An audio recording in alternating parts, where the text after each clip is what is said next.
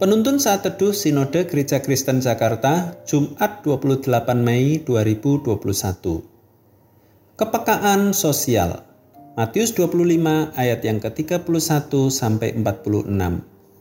Apabila anak manusia datang dalam kemuliaannya dan semua malaikat bersama-sama dengan dia, maka ia akan bersemayam di atas tahta kemuliaannya Lalu semua bangsa akan dikumpulkan di hadapannya dan ia akan memisahkan mereka seorang dari seorang sama seperti gembala memisahkan domba dari kambing.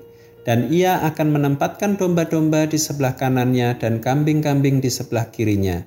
Dan raja itu akan berkata kepada mereka yang di sebelah kanannya, Mari, hai kamu yang diberkati oleh Bapakku, terimalah kerajaan yang telah disediakan bagimu sejak dunia dijadikan. Sebab ketika aku lapar, kamu memberi aku makan. Ketika aku haus, kamu memberi aku minum. Ketika aku seorang asing, kamu memberi aku tumpangan.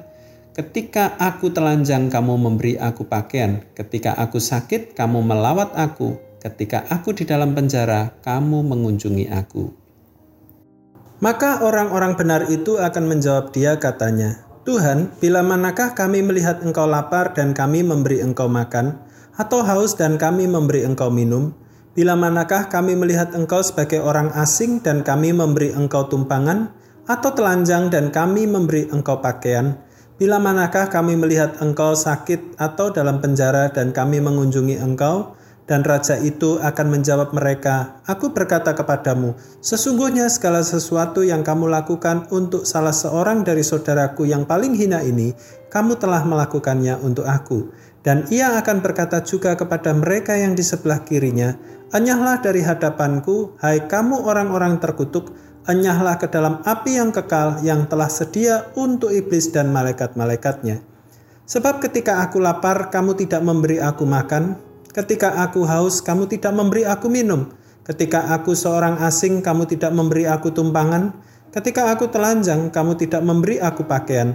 Ketika aku sakit dan dalam penjara, kamu tidak melawat aku. Lalu mereka pun akan menjawab dia katanya, Tuhan, bila manakah kami melihat engkau lapar atau haus, atau sebagai orang asing, atau telanjang, atau sakit, atau dalam penjara, dan kami tidak melayani engkau? Maka ia akan menjawab mereka, Aku berkata kepadamu, sesungguhnya segala sesuatu yang tidak kamu lakukan untuk salah seorang dari yang paling hina ini, kamu tidak melakukannya juga untuk aku. Dan mereka ini akan masuk ke tempat siksaan yang kekal, tetapi orang benar ke dalam hidup yang kekal. Ronald J. Sider, salah seorang teolog Amerika, pendiri Evangelical for Social Action atau ESA, menceritakan pengalaman tak terlupakan di Afrika. Ketika ia sedang memberikan seminar, seorang pemuda Afrika mengangkat tangan. Dari mulutnya keluar sebuah komentar yang membuat seluruh gedung menjadi sepi. Kalian berbicara tentang hal-hal yang indah mengenai kasih dan kebaikan, tapi tidak pernah melakukannya kata pemuda itu. Sebuah kalimat yang lahir dari keresahan tentang kemiskinan dan kemelaratan di Afrika. Orang yang dipimpin oleh Roh Kudus adalah orang yang memiliki kepekaan terhadap sosial. Ada hati yang berbelas kasihan ketika melihat orang yang membutuhkan pertolongan. Ia melihat wajah Kristus pada korban tertindas karena ketidakadilan atau mereka yang mengalami kemiskinan karena dosa struktural dunia ini.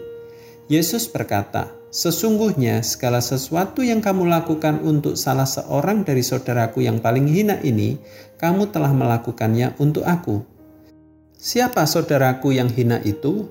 Orang yang lapar dan haus, orang yang asing, orang yang telanjang tak berpakaian, orang yang membutuhkan tumpangan, yang dipenjara, sakit, dan sebagainya.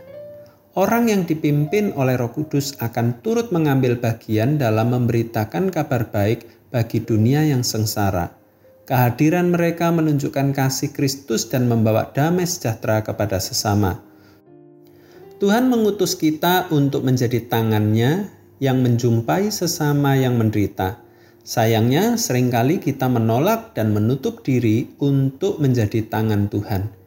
Kita menutup mata, mengisolasi diri, dan memikirkan kenyamanan diri sendiri.